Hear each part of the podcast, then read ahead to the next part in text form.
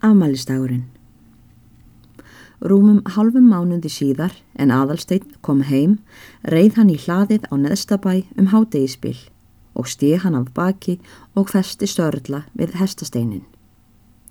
Hann sá meginnið af heimilisfólkinu við slátt og rakstur norður á túninu og kendi hann þar Gunnar Bonda og flest börnin sá hann þar einnig. Hinn eldri við heifinuna en hinn lágu þar og böðuðu sig í sólskinninu. Var Gunnar búinn að hyrða meirinn helming töðu sinnar og lítið hei löst úti. Bæjardirnar stóðu opnar og gekk aðalstein inn.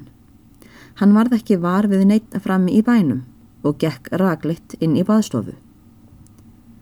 Nei, hvar varstu steini? Ég er þó nýbúin að koma út til að gáða þér, sagði ungleg rött í baðstofunni, jafn skjótt sem aðalstein kom inn úr göngunum. Sæl og blessuð vertu nú, elskan mín. Ég þakka þér fyrir tilskrifið í vor, svaraði aðalstein og greip önnu sem stóð á pallskorinni í fangsir og kisti hana ósveikin koss. Anna var nú orðin væn stúlka, tíu óra gömul eða því sem næst. Heið silki mjúka, glóbjarta hár náði henni þegar niður undir mitti. Augun og andlitið var heið sama og áður, þó með þeim greinarmun að allt var nú hóti fullkomnara, fungulegara og indætla en áður. Hún var ekki lengi að snúa sér við þegar aðalsteinn hafði heilsað henni. Hljóp innar eftir pallinum að rúmi móður sinnar ítti við henni því hún hafði lagt sig fyrir og sagði Mamma góð, mamma góð, steini er komin inn í baðstofu. Blessuð farðu að vakna. Sigurbjörg vaknaði og reys upp. Ítti til vöggu Þorgrims er stóð fast við rúmið með honum sofandi í. Stóð því næst upp og mælti brosandi. Mér var einmitt að dreyma þig steini. Mér þótti ég gefa þér spáníjan hatt. Hvernig líst þér á? Það veit sjálfsagt á eitthvað gott, svaraði hann og heilsaði því næst Sigurbjörgu og skilaði hverjum heimannað. Nei, óskup hefur þú stækkað steini síðan ég sá þig seinast. Mælti nú Sigurbjörg og virti hann fyrir sér. Þú hefur vöxt eins og þú væri komin að tvítugu. Þú nærð langt upp í hann yngvað minn og nú ertu rétt 16 ára og líkast til orðin stúdent í tilbót. Já, svarar hann. Ég held þú megir kalla mig svo hérðan af. Ég óska þér nú til blessunar með allt í einu orði, mælti Sigurbjörg. Síðan bætti hún við. Óskup þótti mér vænt um að þú fórst ekki að fara nú í þessa langferð sem þú varst búin að gera ráð fyrir. Ég sá að ég gatt vel gemt mér það ángur til setna, svaraði aðalsteinn og gekk hann um leið fram eftir gólfinu og tók böggul sem hann hafi lagt þar af sér á stól. Sneri síðan til Sigurbjörgar aftur, er nú satt á rúmi sínu og mælti. Prestkonan bað mig að fá þér þetta, Sigurbjörg. Hún bað þig að nota það sem best þú gætir. Hún bað þig annars að afsaka það. Sigurbjörg tók við böglinum og sá þegar að þar voru kominu född Benedikts Þorgrímssonar. Nei, ég er öldungis hissa á henni, mælti Sigurbjörg. Ætli ég geti nota það þó, handa honum bjarnanittla sem er svo klæðlítill. Einstök er þessi kona mér til handa. Og hvað skrifaði ég þér steini? Að ég væri ekki fátæk, heldur rík. Þetta er satt Því mér bætist alltaf það sem ég þarf með, já, óðum og ég þarf þess. Og alltaf leggst mér eitthvað til. Anna stóð nú hjá og heyrði og sá hvað þeim aðalsteini fór í milli. Hún tók snögt viðbrað og mælti. Steini, ég ætla að hlaup út á túnið og segja krökkunum að þú sért komin. Að svo mæltu var hún horfin á sveipstundu fram úr baðstofunni. Já, hvað veldur því nema þitt góða lán? Mælti aðalsteinn til svars upp á það, er Sigurbjörg hafði sagt síðast. Hún leisti nú utan af böglinum og tók að fletta sundur fötunum. Ó, ég vildi, ég gæti veitt henni gleði og ánægu í staðin fyrir það sem hún gleður mig, sagði Sigurbjörg um leið og hún skoðiði þessi fött. Já, svarar aðalstein, en síðan bætti hann við í alvarlegum rómi.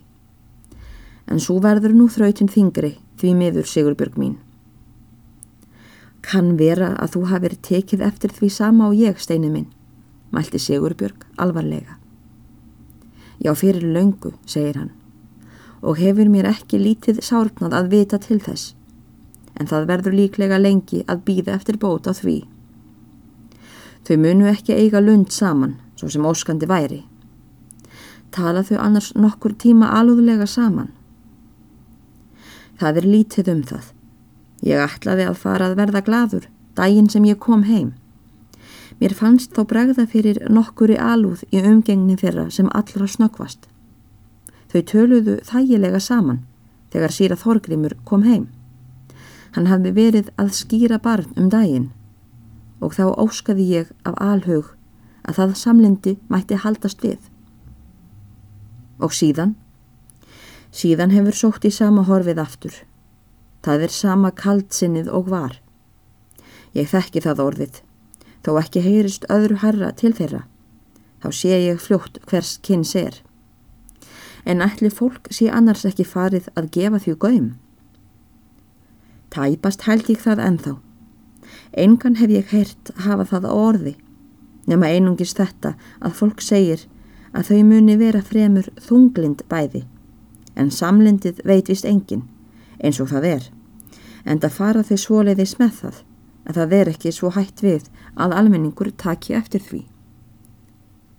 Óskup er það annars spátt að svona skuli vera. Já, ég tala nú ekki um það aðalstein, en mikil stilling er þeim gefin báðum. Ekki hefði ég verið maður til þess að mér finnst, en þeim stór nignar báðum ár frá ári, ekki síst henni, og ég gæti næstum trúa því þó mér væri sagt að hún erði kona eigi langlýf. Fleira töluðu þau ekki um þetta, því nú heyrðist þittur í bæjargöngunum og komu öll börnin inn.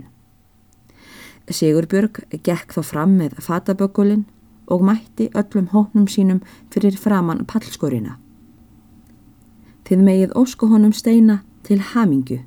Hann er útskrifaður úr skólanum, sjálfsagt með besta vittnisspurði, sagði Sigurbjörg og gekk síðan fram úr baðstofunni. Nú varð fagnaður fundur mikill þegar aðalsteinn helsaði þessum fornvinum sínum og myndist við hvern einn og fjekk hann nú mikið af hamingi og óskum.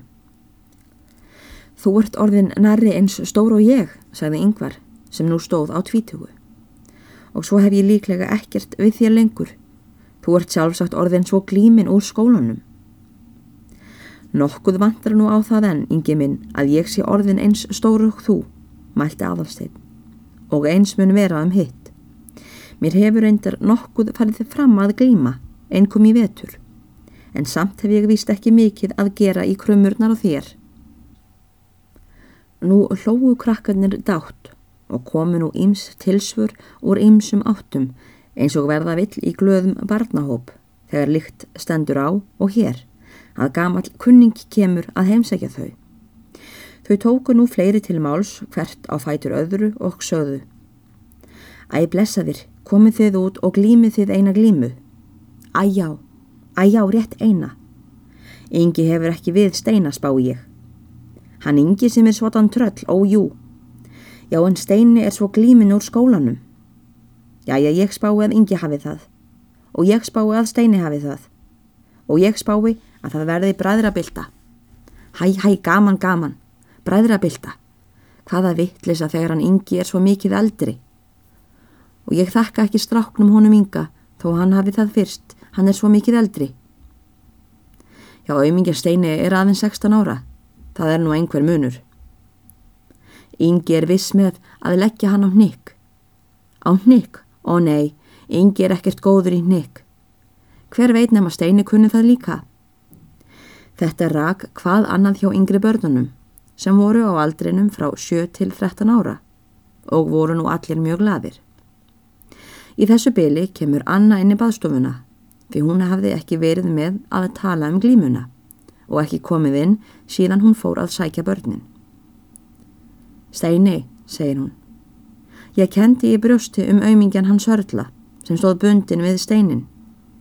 Ég er nú búin að teima hann ofan fyrir túnið og gekk nú litla brjóstið upp og niður af mæði því hún hafði auðsjáanlega hlaupið heim aftur frá hestinum. Óskupa varstu væn við hestin minn, sagði aðarstein og tók hana í fangsir þar sem hann satt. En heldurðu hann fari nú ekki sína leið og ég verði svo gangandi.